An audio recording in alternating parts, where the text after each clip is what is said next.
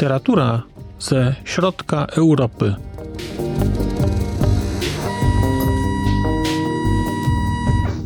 Podcast około książkowy.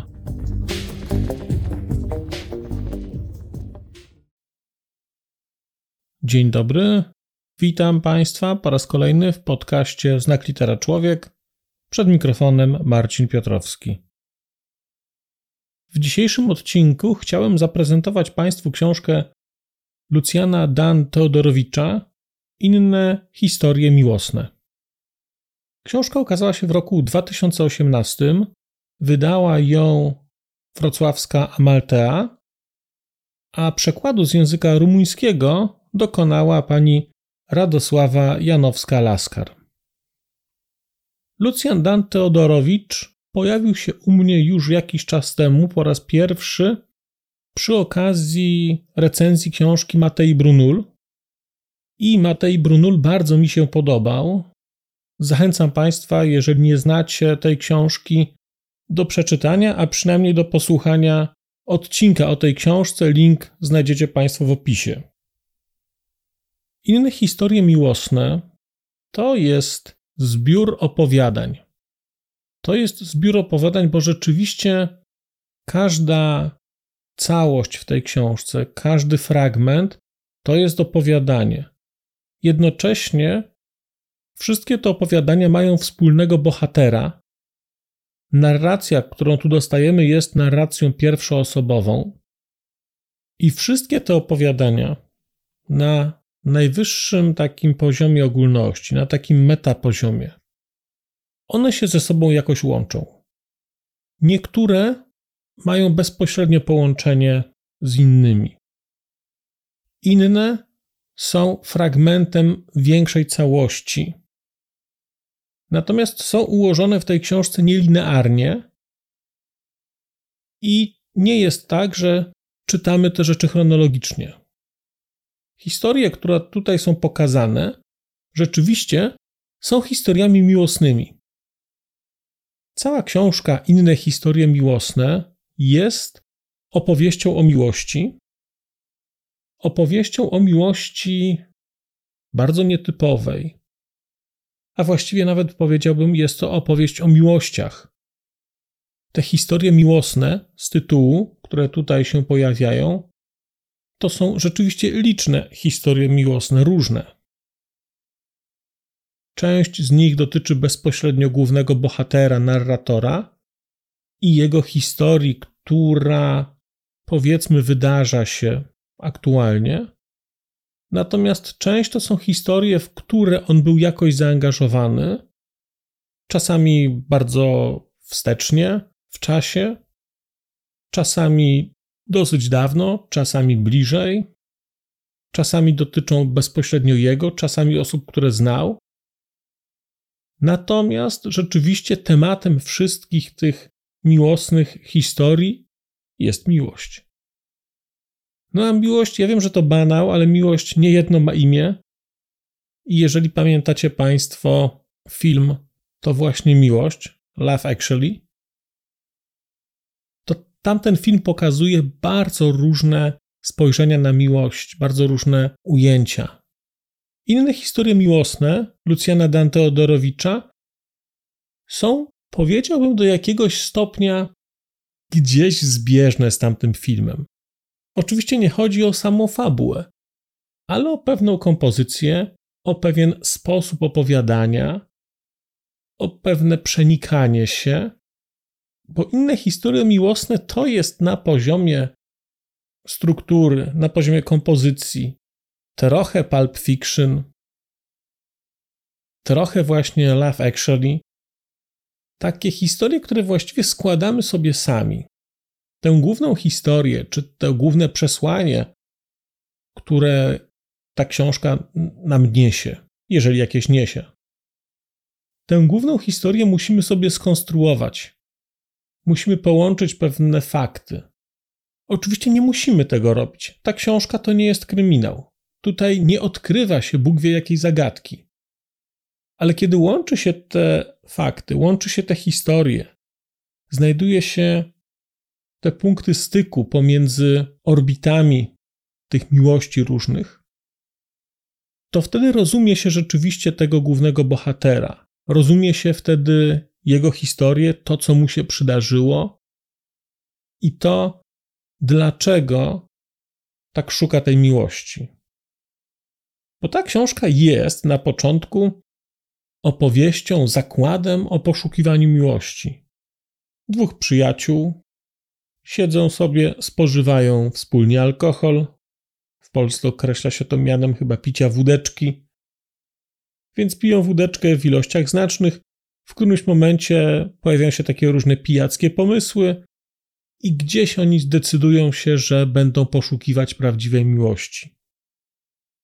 Wszystkie późniejsze rzeczy, które tutaj się pojawiają, są z jednej strony jakąś próbą tejże miłości poszukiwania, ale jednocześnie są opowieściami, które pokazują bardzo nieoczywisty wymiar tego uczucia i właściwie brak możliwości jego zdefiniowania, brak możliwości jasnego określenia, czy to jest uczucie pozytywne, do jakiego stopnia, do jakiego stopnia negatywne, kiedy ono nas niszczy, kiedy nas wzmacnia. To wszystko niby jest banalne, o czym teraz mówię, ale książka nie jest banalna. Zastanawiałem się, dlaczego tak jest. I doszedłem do wniosku bardzo odkrywczego, że być może powodem jest to, że napisał tę książkę mężczyzna i że nie jest ona w żaden sposób przesłodzona. Te wszystkie historie, które tutaj są opisane, są historiami, no powiedziałbym, że życiowymi. Są historiami raczej gorzkimi, są historiami, w których ta miłość pojawia się w takim kontekście, którego często doświadczamy albo doświadczaliśmy w życiu. Czegoś, co do jakiegoś stopnia dodaje człowiekowi sił. Ale jednocześnie to dodawanie sił wiąże się z jakimś kosztem.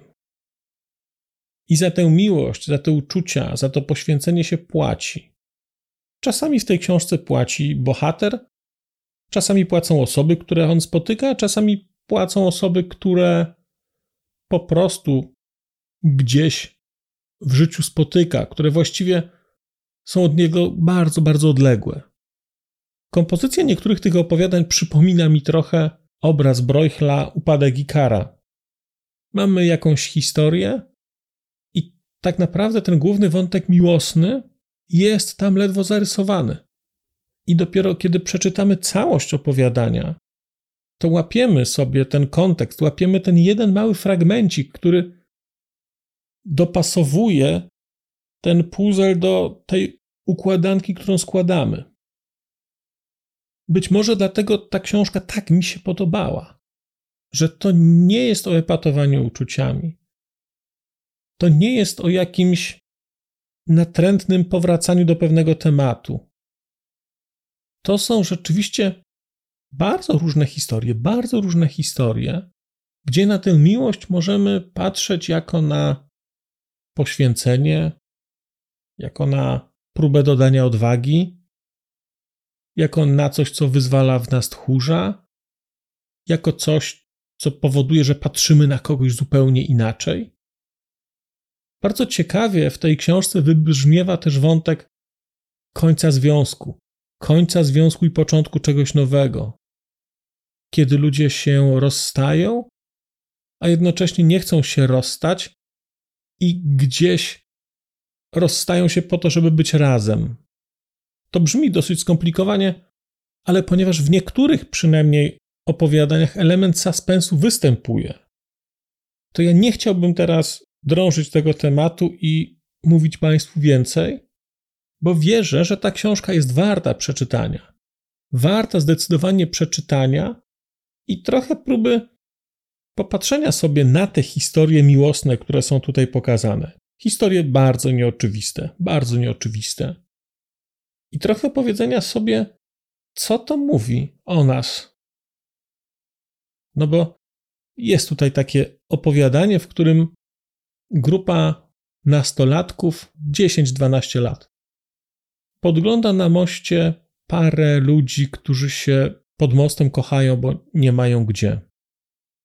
No i ta scena prowokuje do pomyślenia o tym, czym jest miłość, czym jest pożądanie, czym jest pragnienie, skoro skłania kogoś do takiego no, trochę desperackiego czynu. Tam się pojawia taki wątek, jak odnieść się do takiej sytuacji. Co to mówi o tych ludziach? Co to mówi o sytuacji w kraju? Co to mówi o sytuacji wśród znajomych? Co to mówi o tych ludziach? Bardzo to ciekawe, bo można oczywiście na to spojrzeć tylko z jednej strony, jako na coś, tak jak patrzą te nastolatki, na coś zabawnego, śmiesznego, nietypowego, zupełnie innego, złamania jakiegoś tabu. Ale można też zadać sobie pytanie, jak czują się ci ludzie, albo jak bardzo czegoś chcą, czego nie mogą inny sposób osiągnąć. No i tutaj będzie dużo takich historii. Jeżeli czytaliście Państwo książkę Matei Brunul, to w innych historiach miłosnych znajdziecie może nie fragmenty, to złe słowo, ale pewne wątki, które w Matei Brunulu się pojawiły. Matei Brunulu był wątek człowieka, który utracił pamięć i tak naprawdę pamięta tylko to, co mu się powie. W innych historiach miłosnych ten wątek też jest pokazany. To jest bardzo ciekawe w ogóle opowiadanie, bardzo ciekawy wątek dziennikarza, który jedzie do pracownika Urzędu Bezpieczeństwa Rumuńskiego. On jest tu określany mianem Ubeka. Jedzie do Ubeka po jakieś dokumenty i odkrywa historię miłosną. O tej historii częściowo opowiada mu sam Ubek bardzo niechętnie. Nie opowiada mu całej tej historii, ale lokalna społeczność opowiada mu ją szerzej. I wiemy, dlaczego ludzie mówią, że ten Ubek jest dobrym człowiekiem, że to był Ubek, ale dobry człowiek. I będą sobie Państwo sami musieli odpowiedzieć na pytanie, czy rzeczywiście to był dobry człowiek albo zły. Czy fakt, że ktoś potrafił kochać szczerze i poświęcił mnóstwo dla tej miłości, czyni kogoś dobrym? Czy przekreśla to fakt, że zachowywał się podle, o czym sam mówi, bił, wymuszał? Książka Lucjana Dante Odorowici bardzo mi się podobała. Bardzo. Czytałem te opowiadania i i cały czas czekałem na więcej. Czekałem na kolejne. Ona się niestety bardzo szybko skończyła, bo to jest niecałe 200 stron tych opowiadanek. Te opowiadanka nie są długie, mają kilkanaście stron. Jednocześnie są takie, miałem wrażenie, bardzo konkretne. Nie miałem poczucia, że tu jest czegoś za dużo. Właściwie to jest taka czysta forma. A jeżeli mówimy o formie, to jest tutaj taki używany bardzo dla mnie interesujący język, nazwi, nazwałbym go męskim. To jest męski, taki szorstki, chropowaty, momentami ocierający się o wulgarność, sposób postrzegania świata. Być może mi tak dlatego do tej książki blisko, że to nie jest posłodzone, że to nie jest słodkie, że to nie jest banalne, że to jest takie po prostu życiowe. Po prostu życiowe. Na poziomie językowym udało się Lucjanowi Danteodorowicz bardzo ten język zróżnicować, bo mamy tu historię, która rozgrywa się wśród mniejszości cygańskiej i ci cyganie mają swój język. Mamy język tego głównego bohatera naszego, który jest dziennikarzem i który rozmawia ze swoim kolegą, więc na przykład przywódcy rozmawiają inaczej.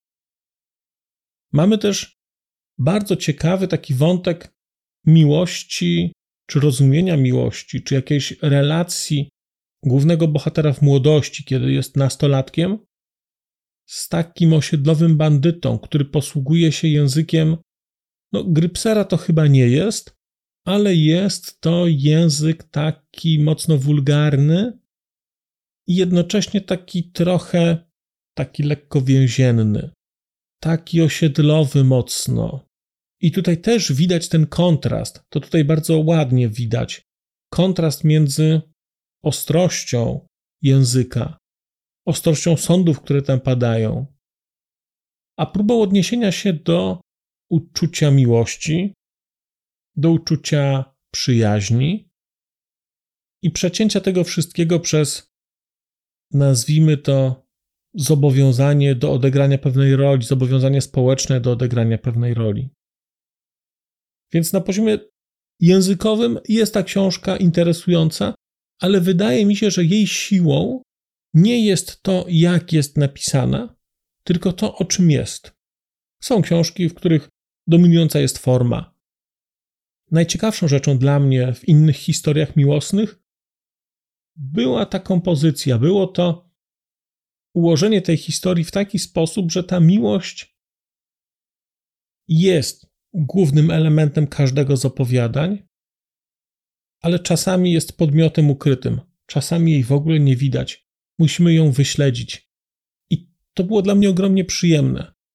Czytanie o uczuciu ważnym i czytanie jednocześnie nienachalne, składanie tego w jakąś historyjkę, szukanie tych powiązań, a jednocześnie taka świadomość, że to nie jest przesłodzone, że to nie jest tandetne, że to jest, tak jak mówiłem to już kilka razy wcześniej, po prostu zwyczajnie życiowe.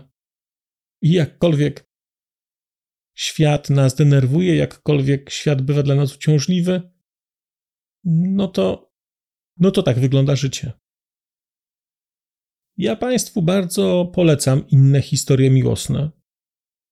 Wydaje mi się, że to jest książka zdecydowanie warta przeczytania, pokazująca też trochę życie, mam wrażenie, nieco młodszego pokolenia, chociaż wydaje mi się, że jak patrzę na rok urodzenia autora, to jesteśmy z jednego pokolenia. No ale nie jest to twórca bardzo, bardzo młody. I wydaje mi się, że zdecydowanie warto, zdecydowanie warto, w szczególności jeżeli miłość, pragnienie, pożądanie są dla Państwa jakimiś uczuciami interesującymi, gdzieś czytacie rzeczy wokół tego, to mam wrażenie, że inne historie miłosne mogą być dla Państwa rzeczą bardzo satysfakcjonującą, bo opowiadają rzeczy ciekawe, nieoczywiste, a moim zdaniem jednocześnie ważne. Bardzo dziękuję Państwu za dzisiejsze spotkanie. Powrócę do Państwa w stosownym momencie w przyszłości. Tymczasem dzisiaj mówię do usłyszenia. Przez mikrofon mówił do Państwa Marcin Piotrowski. A już zupełnie na koniec powiem, że skoro wysłuchaliście Państwo tego odcinka, to w jego opisie znajdziecie link do serwisu YouTube. W wersji YouTube'owej e, jest miejsce na skomentowanie go. To jest takie miejsce, gdzie można komentować ten odcinek, rozmawiać, zadawać pytania, wymieniać się spostrzeżeniami, do czego Państwa bardzo zachęcam, gdyż udało się już na tym YouTubie zgromadzić trochę bardzo ciekawych osób, bardzo ciekawych komentarzy i trochę stworzyć taką społeczność ludzi rozmawiających o książkach. Też na koniec, zupełnie na koniec, e, poproszę Państwa o wystawienie oceny mi w ramach e, tych platform podcastowych, na których Państwo tego odcinka wysłuchaliście. I nieważne jaka ta ocena będzie, istotne dla mnie po prostu, że będzie. Tymczasem się żegnam już naprawdę i do usłyszenia za czas jakiś.